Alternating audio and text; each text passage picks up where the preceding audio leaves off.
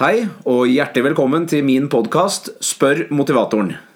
I dag eh, tenkte jeg skulle prate om eh, nyttårsforsetter. Hvorfor fungerer det ikke? Det er jo det store spørsmålet som rir menneskeheten som en mare. Like ubesvart som selve meningen med livet. Det er det vi skal komme inn på i denne podkasten her, som jeg bare må få lov til å si er sponset. Og den er ikke sponsa av hvem som helst heller, den er nemlig sponset av Bavaria. Bavaria de er forhandlere av Mini og BMW, og for å være helt ærlig så liker jeg dem, fordi at de har gjort eh, bilkjøp til en super opplevelse for de av oss som ikke er ekspert på bil, og vanskelig uttrykk.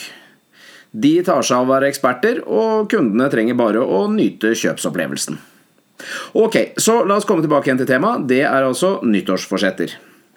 Du vet eh, Når du setter et nyttårsforsett, så har du et mål, du har en plan, og du vet jo hva utgangspunktet ditt er. Og du er topp motivert. Det er jo derfor du setter i gang. Så du har motiver eller grunner som er så sterke at du tar aksjon og kommer i gang 1.1. Så hvorfor i all verden sprekker vi, da? Nesten hver gang. Når liksom alt ligger til rette. For å komme litt inn på det, så er det sånn at gode mål som får deg til å gjøre noe frivillig over tid, må være motiverende. De må altså være så fristende at de alene gjør deg villig til å betale en pris for å nå dem. Og der kommer problemet med nyttårsforsetter.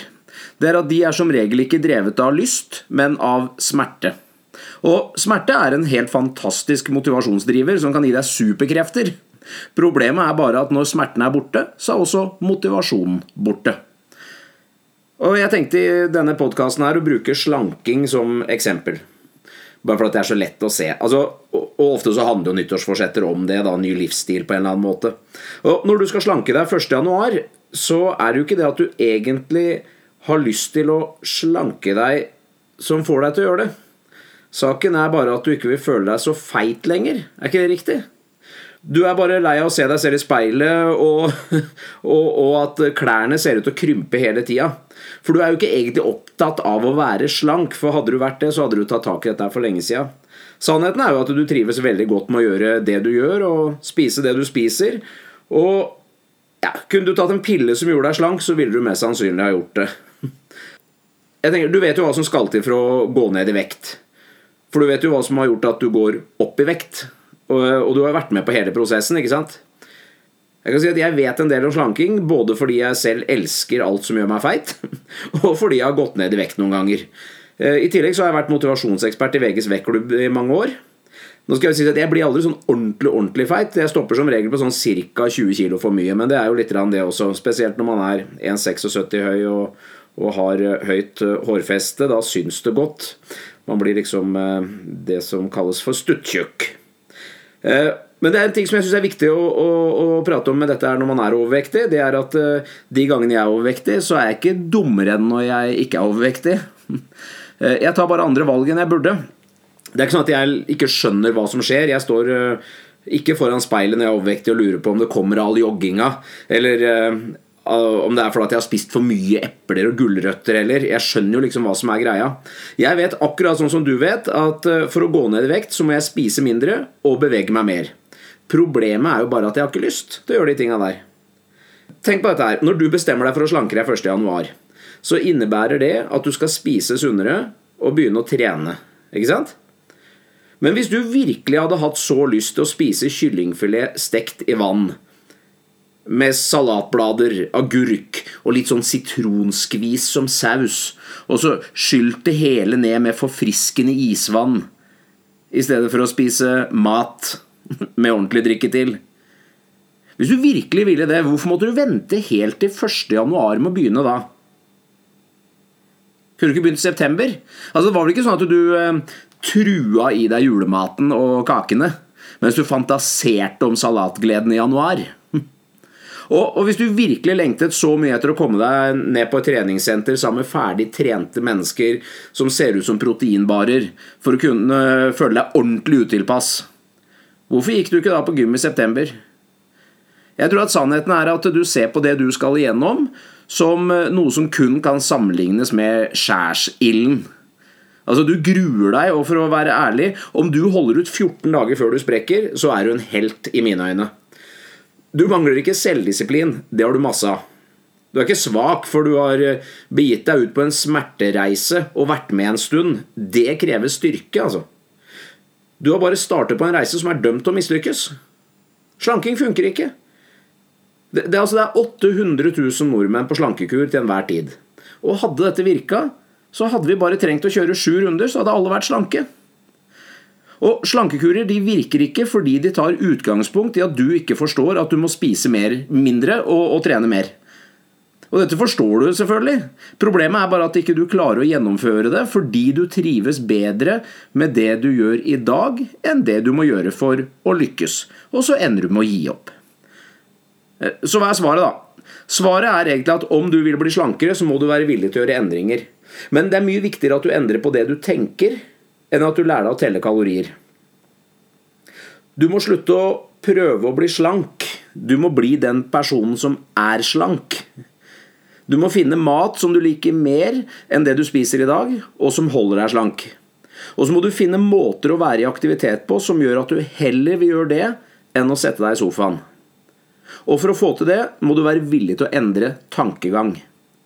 Du må faktisk ta oppgjør med en del sannheter om deg og det du gjør, og den du er.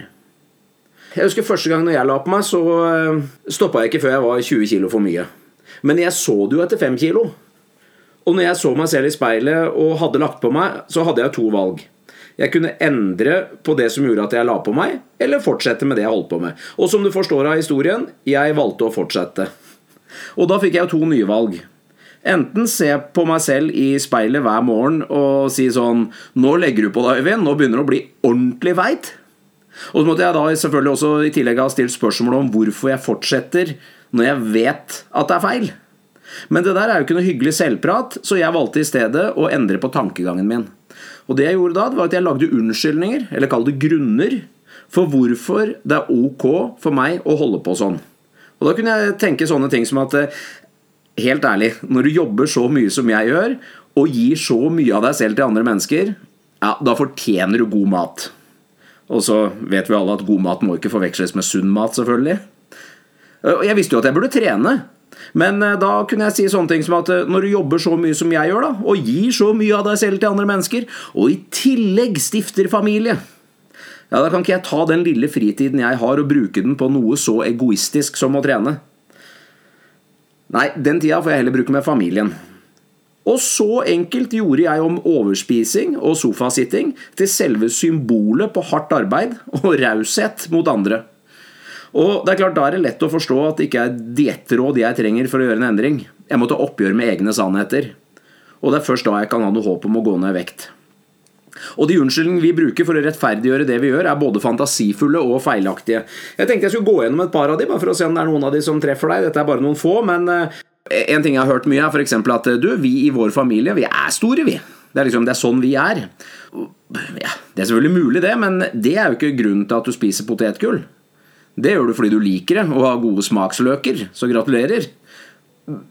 Hvis du veide 12 kilo ved fødselen, så har du nok rett i at det ligger til familien.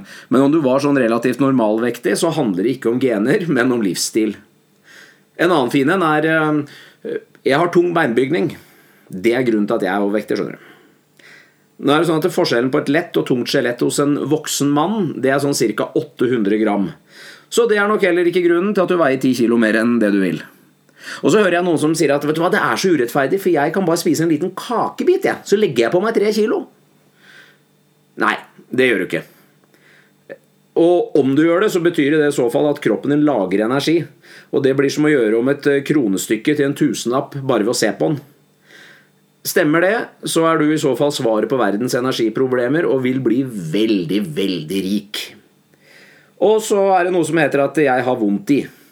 Jeg har vondt et eller annet sted, og derfor kan ikke jeg trene. Det kan være hofta, ryggen, eh, arma, skuldra, hva det nå er for noe. Saken er at jo da, du kan trene uansett. Se på Paralympics. Se på Ut på tur med Lars Monsen. De har vondt i, men de beveger seg likevel. Du er eh, mest sannsynlig akkurat som meg hvis du bruker den der. Du har vondt i vilja. Det betyr at det sitter mellom øra. Du har ikke lyst. Så er det noen som sier at det er ikke typen til å drive med idrett. Men det trenger du heller ikke å være for å velge å gå en tur før du setter deg i sofaen, eller å ta trappa i stedet for heisen. Så Poenget mitt er at vi må ta oppgjør med disse unnskyldningene hvis du skal komme noe sted.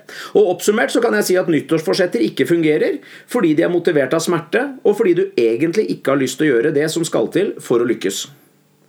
Og så er vi mennesker lagd sånn at vi vil ha glede, og så vil vi unngå smerte. Så siden enhver diett føles som en straff, så er det naturstridig å gjennomføre den frivillig. Så hva skal du gjøre for noe i stedet? Er det noe håp? Ja, det første altså Du må gjøre ting du liker, og som tar deg mot målet. For å bli slankere så må du bevege deg mer og spise mindre. Og da kan det være lurt å tenke på følgende Hva hindrer deg i dag fra å bevege deg mer og spise mindre? Ta fram penn og papir, og så begynne å skrive ned. Hvilke sannheter har du som hindrer deg fra å gjøre det du burde? Hvilke vaner har du som ødelegger for deg? Hva måtte du ha tenkt? Hvilke vaner måtte du ha hatt for å gjøre slankere handlinger i hverdagen? Dette er lurt å bruke litt tid på. Og så er det sånn at Du må ha et motiverende mål. Og Spørsmålet det kan for da være om jeg blir den personen som tar bedre valg, og jeg trives med det. Altså Hvis det blir målet, hvordan kommer jeg til å ha det da? Hva kommer til å skje med energinivået mitt da? Hva skjer med selvfølelsen, selvtilliten? Hvordan kommer jeg til å bli for omgivelsene mine hvis jeg blir sånn? Og hvilken følelse tror du du får når du passer inn igjen i en av de krympede buksene dine? Og hvis det er motiverende, ja, da er du på vei mot et sted. Hvis du kjenner at det der, der det kunne jeg tenke meg å bli, så kan bieffekten bli at du går ned, ikke sant? Og først når du virkelig ønsker å bli den personen, så kan du finne ut hva du må lære deg for å få det til. For det er jo sånn at Et eller annet må du endre på. Kanskje du må lese matblogger for å lære deg å lage sunn og fristende mat. Kanskje må du prøve ti forskjellige treningsformer før du finner noe du liker. Uansett hva du må gjøre, om eh, du vil bli den personen sterkt nok, så får du det til. Du har det i deg. Kanskje du trenger hjelp av noen, men du har det i deg. Det finnes ingen grunn til at du ikke skal kunne lykkes med å gå ned i vekt. Du trenger bare riktige tanker. Eh, det kan virke håpløst om du har prøvd mange ganger før, men det ligger for deg. Du trenger bare litt eh, tålmodighet og mye lyst. Jeg pleier å tenke på følgende Går det an å spise en elefant? Svaret det er eh, ja, og det er nei. Det kommer nemlig an på.